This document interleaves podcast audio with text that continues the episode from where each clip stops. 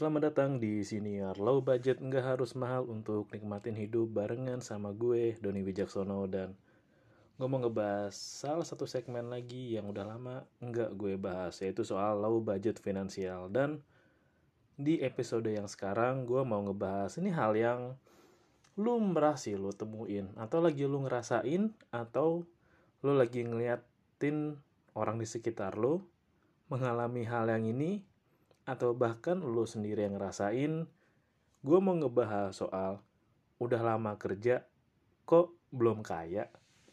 Nah, ini emang sering banget sih terjadi ya di sekitar lo, di sekitar gue juga. Oh ada yang emang ini kayaknya udah kerja 5 tahun, 6 tahun, 10 tahun, 15 tahun. Tapi kok masih biasa-biasa aja ya? Kalau istilahnya itu ini udah lama kerja tapi kok nggak kelihatan hasilnya ya?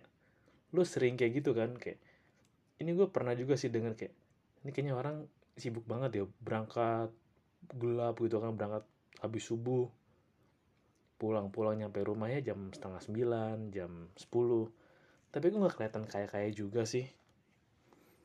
Itu sering sih dan hmm, gue menyampaikan beberapa pendapat gue apa yang dekat dari gue apa yang ya orang yang sekitar gue ngalamin juga. Kalau misalnya lo tanya hmm, kenapa sih? Kayak itu orang udah lama kerja kok masih belum kaya juga? Nggak kelihatan lagi hasil kerjanya apa. Misal kalau orang udah lama kerja kan pasti ah, adalah ada yang punya motor baru beli motor baru HP baru renovasi rumah beli rumah atau beli mobil. Tapi ada ya biasa-biasa aja data-data aja nah gue menyampaikan dari beberapa perspektif sih. Kalau misal lu ngeliat yang kayak gitu ada tetangga lu mungkin yang udah lama kerja atau saudara lu rekan lu atau lu sendiri hmm, kalau dari gue adalah ya kenapa emang belum kelihatan kaya atau nggak kelihatan hasilnya? Karena ini menurut gue ya bisa jadi gue salah. Jadi lu mesti denger dari opini lain atau pendapat orang lain. Yang paling umum gue temuin adalah karena banyak dari kita yang mendapatkan manfaat dari hasil kerja kita itu bukan buat diri kita sendiri, tapi kita bekerja untuk beberapa orang yang dekat dengan kita atau un bukan untuk diri kita sendiri, oke? Okay? Jadi kita kerja bukan buat untuk diri kita sendiri hasilnya, bukan kita sendiri yang nikmatin hasilnya. Kenapa? Karena memang dari kita tuh terbiasa banget atau memang dekat banget dengan generasi sandwich. Jadi kayak ada yang kerja lama tapi mesti ngebiayain adiknya sekolah, ngebiayain adiknya masuk universitas bahkan atau yang paling sering yang ngebiayain atau bantu perawatan orang tuanya terutama yang udah masuk ke masa pensiun. Karena kan emang kewajiban anak ya, anak mau anak pertama, kedua, ketiga, mau tunggal. Itu emang punya kewajiban yang harus dan seiring bertambahnya usia pun ya harus mulai siap mengemban atau menerima tanggung jawab yang enggak perlu dibilangin. Jadi kayak, oh udah usia 28 nih, lu mesti gini-gini gini ya gitu. Atau wah udah usia 27 nih, lu tuh mesti kalau udah usia 27 tuh mesti ini ini ini ini, ini gitu emang ada yang nggak perlu ya ada yang perlu dikasih tahu sih ada juga yang nggak perlu. Tapi memang yang lebih baik ya membiasakan untuk sadar diri menerima atau mengambil tanggung jawab sedini mungkin. Ya perannya itu emang berubah. Kalau dulu orang tua lo sebagai tulang punggung yang ngebiayain lo maka lo mulai pelan-pelan berubah siklusnya dari lo yang bertanggung jawab untuk keluarga kecil. Kalau lo anak pertama lo bertanggung jawab terhadap adik lo dan keluarga lo kalau anak tengah lu juga bertanggung jawab terhadap adik lu dan keluarga lu. Kalau anak terakhir biasa kalau terakhir tuh kan kakaknya udah pada tinggal sendiri-sendiri nih anak terakhir ini nih yang menjadi tanggung jawab untuk merawat menjaga orang tuanya. Dan ya emang sih kadang kita tuh emang nggak bisa hidup sendiri kecuali lu emang sebatang kara mungkin atau lu emang ya nggak tahu keluarga lu siapa lu bener-bener solo fighter ya mungkin apa yang lu rasain lu nikmatin untuk diri lu sendiri. Tapi itu juga pun pasti enggak untuk diri lu sendiri. Pasti suatu saat ya lu akan belajar untuk bertanggung jawab terhadap hidup orang lain juga. Karena memang pada kodratnya manusia itu makhluk sosial. Perlu orang lain untuk berinteraksi perlu orang lain untuk diskusi perlu orang lain untuk bekerja sama untuk mencapai tujuan emang nggak bisa sendiri makanya manusia itu ya makhluk sosial dan membutuhkan orang lain. Dan terus juga hmm, kayaknya kalau dihitung gaji gue ada tapi kok tiba-tiba habis aja ya di akhir bulan ya atau di tengah bulan ya. Nah itulah pentingnya lu ngebuat catatan pengeluaran. Jadi lu bisa tahu ke mana pos-pos uang lu lu catat aja pelan-pelan gitu. Kalau susah emang sih bakal bakal membutuhkan waktu yang lumayan untuk lu mencatat dan mengaudit keuangan lu sendiri. Tapi itu memang salah satu hal yang baik. Nah kembali lagi kayak misalkan eh, udah kerja lama tapi kalau lu nggak kayak kayak sih nggak kelihatan hasilnya. Nah itu juga bisa lagi dari keadaan keluarga. Dan ini gue sem gue sambil ngutip deh apa yang ada di podcast Om Ded. Dan ini masuk akal sih jadi kayak apa yang kita jalanin di sistem sekolah dari lo SD sampai SMA adalah apa yang sama persis dengan orang tua lu jalanin rasain dulu. Jadi kayak lo tuh udah terpatri dalam alam bawah sadar kita juga semuanya malah kayak masih sekolah dari SD sampai SMA kalau bisa lanjut perguruan tinggi terus lanjut lagi lo mesti nabung gitu lulus kuliah lo mesti nabung kerja lo cari pasangan nikah dan hidup bahagia selama lamanya ya gue juga pernah cerita sih di episode sebelumnya kalau emang gue juga pernah punya mindset kayak gitu yang wah habis lulus kuliah nih terus kerja nih wah penasaran nih pengen kerja nih pengen punya duit yang lumayan terus nabung terus nikah. Ah terus sudah jalanin hidup dengan keluarga sampai tua. Ya sambil nyicil beli rumah beli mobil beli keperluan rumah tangga sampai nikmatin masa pensiun dengan damai. Dan ternyata memang hidup tidak berjalan seperti itu kecuali anda memang orang yang punya dari awal ya atau didukung dari awal oleh privilege.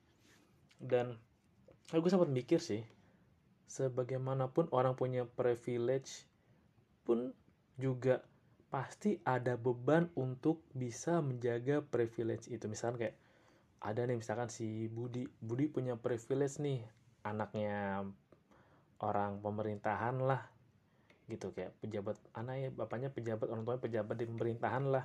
Maka Budi pasti diberikan expect eh pun punya privilege lah. Oke uh anak pemerintahan pasti orang tuanya duitnya banyak nih hartanya banyak nih.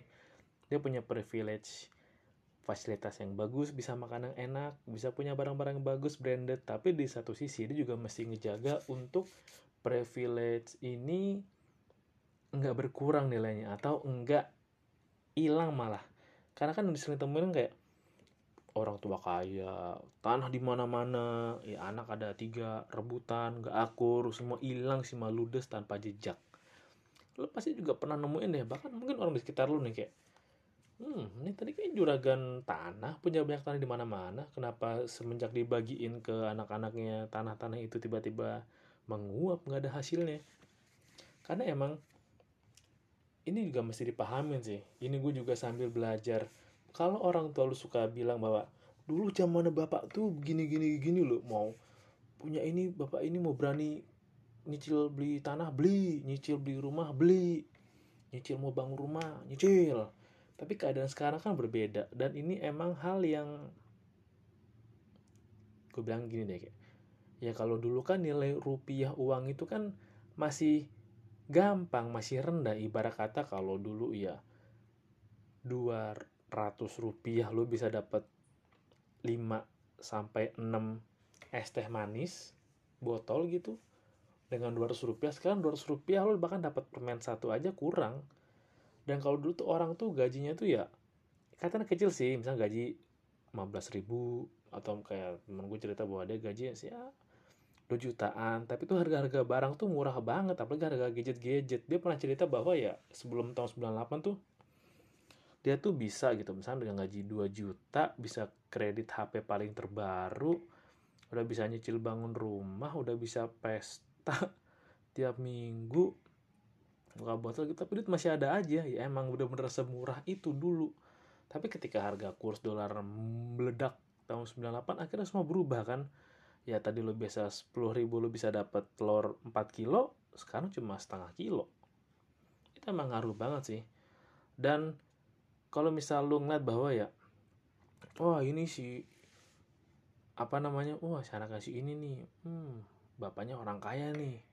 Tapi kok sekarang kerja nggak kata apa-apa? Nah bisa jadi emang bahwa kan masih banyak orang-orang dari, dari bahkan teman-teman kita di sekitar kita yang digaji untuk UMR dan UMR tiap daerah itu beda-beda banget. Apalagi kayak ya lo tahu sendiri lah daerah yang UMR kecil. Ah sangat sulit bertahan lo di daerah dengan UMR kecil tapi harganya tuh nggak jauh beda dengan harga kota. Gue mah gue pernah punya jokes gini kayak anjir di Jogja itu UMR nggak 2 juta. Katakanlah dulu 1,9 lah. Harga bensin 13 ribu dalam sebulan itu kalau lu perlu 100 kali bolak-balik lu marketing uang UMR lu habis buat transport doang.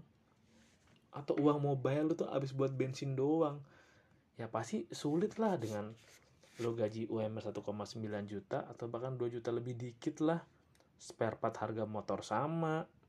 Barang-barang elektronik juga pun gak jauh beda beda-beda sedikit lah. Bensin juga yang sama oli nggak jauh beda. Ya kalau misalkan dengan 2 juta kalau misalkan gaji di sini empat setengah kan kalau beli oli yang 50 ribu ya oke okay lah masih berasa. Tapi kalau gaji 2 juta oli 50 ribu hmm udah satu per 19 dari gaji saya sebulan. Udah bisa aduh udah berat banget deh berat banget deh. Dan apalagi lu mesti punya apa lu masih harus bertanggung jawab dengan adik-adik lu bayar kontrakan rumah bayar cicilan dan juga seringnya tuh emang sih ini bukan hal yang bisa disalahin tapi memang zaman orang tua kita tuh yang namanya pendidikan ekonomi itu masih rendah banget dan kecil dan sedikit banget. Jadi kalau ada orang yang bisa berhasil dari zaman dulu nih misalkan dia tahun 70-80 bisa jadi orang sukses lah. Itu bener-bener pasti karena perjuangan yang banget banget banget. Kalau sekarang kan ya ya bener juga sih kalau lo bisa sukses di era sekarang itu lebih mudah dibandingkan gue yang zaman dulu berjuang tahun 70-80 belum ada apa-apa belum ada fasilitas apa-apa belum ada kemudahan mengakses buku berita. Ini namanya berjuang bener-bener berjuang. Makanya kayak kehebatan orang yang sukses zaman dulu dengan zaman sekarang itu nilai perjuangan itu ya lebih tinggi zaman dulu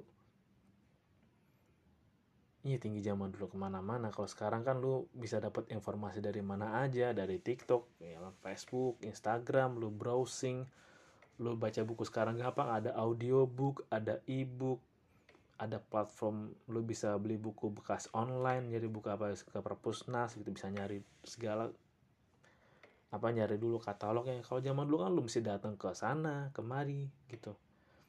Dan emang kalau zaman sekarang pun tetap lagi kenapa udah kelihatan apa kenapa udah lama kerja tapi nggak kelihatan kaya? Karena emang kenaikan harga barang-barang atau inflasinya bener-bener beda tipis dengan kenaikan harga gaji. Dan UMR itu ya untuk lo sebagai syarat atau ya patokan untuk lo bisa hidup layak single seorang diri jomblo hitungannya nggak ada tanggungan siapa-siapa itu komponen dari UMR dan lihat lagi kan komponen UMR tuh gue lupa ada berapa ya di atas 20 atau 30 komponen. Mungkin saya inget gue eh, ada biaya kayak uang sabun mandi uang transport ya kalau nggak salah ya. Terus misalkan uang beli air beli makanan dan bla bla bla bla banyak komponen untuk mencetuskan berapa gaji UMR dan itu untuk sendiri. Tapi ketika udah berkeluarga untuk gaji UMR ya perjuangan itu bakal berat banget bro. Dan ya meskipun untuk oke okay lah misalkan wow kalau zaman dulu kan susah wajar lah. Ekonomi masih lemah. Sekarang anda udah gaji udah gede ibarat kata akses informasi udah gampang mosok biar apa namanya ya almost belum kayak kayak juga udah kerja lama. Ya ini bisa dilihat di breakdown dulu sih karena emang pendidikan sosial itu ngaruh eh, pendidikan ekonomi itu ngaruh latar belakang keluarga juga ngaruh dan pemahaman orang pemahaman si anak juga ngaruh. Pemahaman anak bisa ngaruh karena kita lihat lagi waktu kecil apa yang dikonsumsi mendukung nggak untuk membuat otak itu mampu bekerja dengan baik serta tercukupi nutrisinya dengan baik agar bisa bekerja secara maksimal. Kalau emang dari kecil ya, apa kebutuhan masih kebutuhan untuk protein zat besi dan teman-temannya kurang terus ketika gede ya hanya bisa bekerja untuk melakukan hal yang minimal atau biasa saja dan dibayar dengan biasa saja ya maka itu bisa tergolong relate bukan salah orang tua juga bukan salah si anak juga tapi memang salah di lu tahu salahnya di mana? Lo coba deh dengerin episode senior gua soal yang kita akan semakin kekurangan orang pintar. Lo akan mulai menemukan garis korelasinya di sana. Walaupun itu bukan satu syarat atau faktor yang mutlak tapi itu cukup berpengaruh dengan apa yang terjadi sekarang. Dan makanya, ini mulai nyambung bahwa ya, ketika kita benar-benar udah berjuang lama, bekerja lama, tapi belum kelihatan hasilnya, dan ya kita masih sama aja dengan dulu, beda dengan mereka yang punya ya, mereka punya relasi yang bagus. Ini bener juga sih, bener kata Om Ded ya, kalau orang kayak menengah ke bawah itu bekerja untuk uang kalau orang menengah ke atas bekerja untuk relasi jadi mindsetnya beda dan iya sih untuk ini juga nyambung juga di mana bahwa ya ketika lu ingin berproduktif dengan normal maka kebutuhan dasar lo harus terpenuhi dulu. Lo harus bisa punya makanan yang cukup. Apa namanya uh, kebutuhan akan ya lo punya baju yang oke okay, kebutuhan sandang pangan papan papan juga cukup dalam waktu yang oke okay, cukup lah udah siap lah kebutuhan dasar siap kebutuhan ekonomi udah ada udah sedikit aman udah ada fasilitas yang mendukung oke okay lah baru kita berproduktif dan untuk nyampe untuk nyampe ke ke fase itu juga butuh proses yang panjang. Makanya kalau dilihat itu semua itu punya garis berkesinambungan yang saling terhubung satu sama lain. Dan makanya pinginnya kita adalah mungkin kalau ya di Om Ded bilang bahwa ya lo kalau mau ya lo kalau mau kaya bukan dengan berhemat tapi dengan gedein pengeluaran lo betul setuju tapi lebih baik lagi bahwa ya ketika lo ingin jadi beneran kaya sambil lo mencari atau berusaha menghasilkan pasif income cara menghasilkan pendapatan yang lebih juga harus bisa untuk menjaga pengeluaran lo sebaik mungkin. Yang sering terjadi kan semakin tinggi besaran gaji lo, maka semakin tinggi pengeluaran lo. Yang diharapkan dari lo budget adalah dengan semakin tingginya pendapatan lo perlahan per tahun bertahap tetap apa yang lo terapin di gaya hidup lo ya biasa aja apa yang lo jalanin biasa aja. Kalau nggak perlu banget nggak bener-bener membutuhkan banget ya nggak usah beli. Kalau emang masih bisa dipakai dan masih layak ya nggak perlu diganti atau buru-buru jual. Kalau emang bisa kelihatan sederhana dan biasa aja kenapa harus mewah? Karena kebanyakan yang kelihatan mewah kan utangnya banyak dan makanya itu juga penting punya pendidikan finansial. Dan setelah gue baca buku Psychology of Money pendidikan finansial itu banyak yang menitik beratkan pada psikologi. Dan emang bener sih. Dan ini juga nyambung sih sama kalau lihat videonya Pak Gita dengan Bante Utomo. Bahwa ya semua soal keinginan semakin besar. Penghasilan lo semakin banyak keinginan lo semakin lo bisa mengendalikan apa yang lo ingin dan apa yang lo butuh maka semakin lo bisa sadar bahwa ya kayaknya gue nggak perlu ini deh kayaknya gue nggak butuh ini deh. Dan itu emang salah satu hal mutlak yang harus lo penuhin kalau lo emang beneran kaya. Orang yang beneran kaya itu bener-bener tampilannya biasa aja. Tapi ketika orang yang beneran beneran berusaha pura-pura kaya pasti tampilan sangat-sangat mewah. Jam branded sepatu branded tas branded. Padahal ya kalau dulu ada lu pernah baca artikel kan yang ya sebenarnya sih mereka tuh sosialita punya komunitas terus saling patungan beli barang sepatu eh beli barang tas terus tergantian ada enam orang patungan gitu. Hari ini di A besok di C besok di F besok di D. Yang gitu kan juga ada makanya mau jangan sering tertipu tampilan luar. Dan menurut gue nggak apa-apa sih kalau emang ada orang yang udah lama kerja udah lama ya kata sibuk apa tapi yang belum kelihatan hasilnya nggak apa-apa. Mungkin hasilnya baru bisa dilihat 10 15 tahun nanti atau memang hasilnya itu lebih banyak kelihatan ke dalam. Lebih ke bahagia secara diri dan keluarga. Karena emang masuk ada aja sih orang komen-komen anjing emang mau tetangga kayak mau teman deket kayak mau dari sosial media kayak. Kalau komen emang suka tolol sendiri sih dan kalau lo udah bisa mulai mengendalikan psikologis lu untuk mengabaikan keyboard warrior atau orang-orang yang asal komen bangsa di internet itu akan ngebantu kedamaian lu lebih nyaman. Dan kalau yang masa lu merasa bahwa kayak hmm gue udah kerja lama nih udah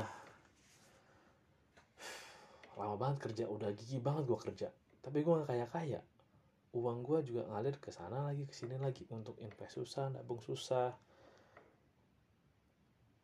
Kalau dari gue ya oke emang lo harus jalanin lah jalanin terus sambil mungkin lo harus sambil siapin sesuatu yang ah, ini kayaknya penting gak sih buat gue? Gitu. Ini gimana cara gue bisa menambahin passive income ya lo perlu sabotase diri untuk bisa menahan apa yang lo pingin. Karena emang benar-benar apa yang lo pingin itu bukan apa yang benar-benar lo butuh. Dan kembali lagi pasti kayak ya ya udah kerja lama nggak kelihatan hasilnya nih masih gini-gini aja bisa biasa aja. Mungkin emang hasilnya tuh nggak terlihat sekarang. Nggak terlihat dalam 2-3 bulan terakhir bisa belasan bahkan puluhan tahun ke depan. Atau jika mau berkaca ke diri sendiri bahwa ada pertumbuhan emosional di sana seiring berjalannya waktu dan seiring berjalannya kita belajar dari kesalahan. Jadi ya nggak apa-apa kalau emang masih kelihatan udah kerja lama tapi masih kelihatan biasa aja nggak kelihatan hartanya. Yang penting lu punya sesuatu yang bisa membuat lu merasa lebih baik, merasa lebih berguna dan merasa membantu secara ekonomi beberapa tahun ke depan baru berasa hasilnya 10-15 tahun ke depan ya nggak apa-apa kayak nggak apa-apa lah kayak gue bersusah-susah dulu lima tahun hidup biasa banget biasa banget. Tapi apa yang gue lakuin udah mulai bisa kelihatan hasilnya 10 tahun 15 tahun 20 tahun. Sehingga ya ketika gue udah tua nanti yang jadi pemenangnya adalah gue karena gue menyiapkan apa yang harus gue siapkan untuk diri gue di masa tua yang akan mendatang. Dan semoga buat lo yang dengerin yang masih merasa kayak penghasilan gue biasa aja nih. Kurang malah mepet banget malah pengennya bisa lebih pengennya bisa lebih. Gue doain semoga lo bisa menemukan pekerjaan atau aktivitas hobi apa pun itu yang bisa membuat lo merasakan bayaran yang lebih besar dari apa yang lo terima sekarang. Dan semoga ya pasti ada manfaat atau ada hikmah kenapa lo hmm saya kecil di sini pasti ada entah kayak lo mesti bertanya lagi kepada diri lo sendiri lo udah melakukan hal ini dengan baik apa belum apakah lu udah menjalankan apa yang diarahkan dengan belum dan apakah lu sudah gigih atau bekerja keras dengan belum. Kebanyakan kayak orang bilang kayak rezeki udah diatur. Ya iya tapi bener juga sih ini kata Mas Haska tadi Haskan Asadi bilang bahwa ya kata-kata toksik itu kayak hmm tenang rezeki udah diatur. Seakan-akan memang kita tahu rezeki kita berapa rezeki kita ya semana aja. Padahal kalau kita mau berusaha dan berjuang lagi jangan-jangan rezeki emang udah diatur melebihi aturan yang pernah kita bayangin sebelumnya. Jadi keluar topik gitu tapi nggak apa-apa lah. Ya udah lama kerja tapi belum kelihatan hasilnya. Ya udah terus jalanin aja. Kalau emang lu nggak suka lu cari tempat baru. Kalau emang lu pingin mencari hal lain untuk ya, ya hasil yang terima kepada dalam bentuk uang endorsement mungkin atau kerjasama mungkin atau wirausaha mungkin ya tetap cari apa yang lo suka sih. Karena saat itu ketika lo tahu apa yang lo suka apa yang lo senang ngebantu banget ngejalanin proses dari perjuangan lo meraih mimpi lo ya mungkin emang sulit sih nggak ada yang dukung tapi nggak apa-apa lah. Seenggaknya lo lebih keren dari orang di luar sana cuma bisa teori cuma bisa menghalu cuma bisa memaki-maki pemerintah dengan kasar dan itu sih mau gue share. Udah lama juga ternyata ya. Oke, okay, thank you. Terima kasih sudah mendengarkan low budget. ingat nggak harus mahal untuk nikmatin hidup 拜拜。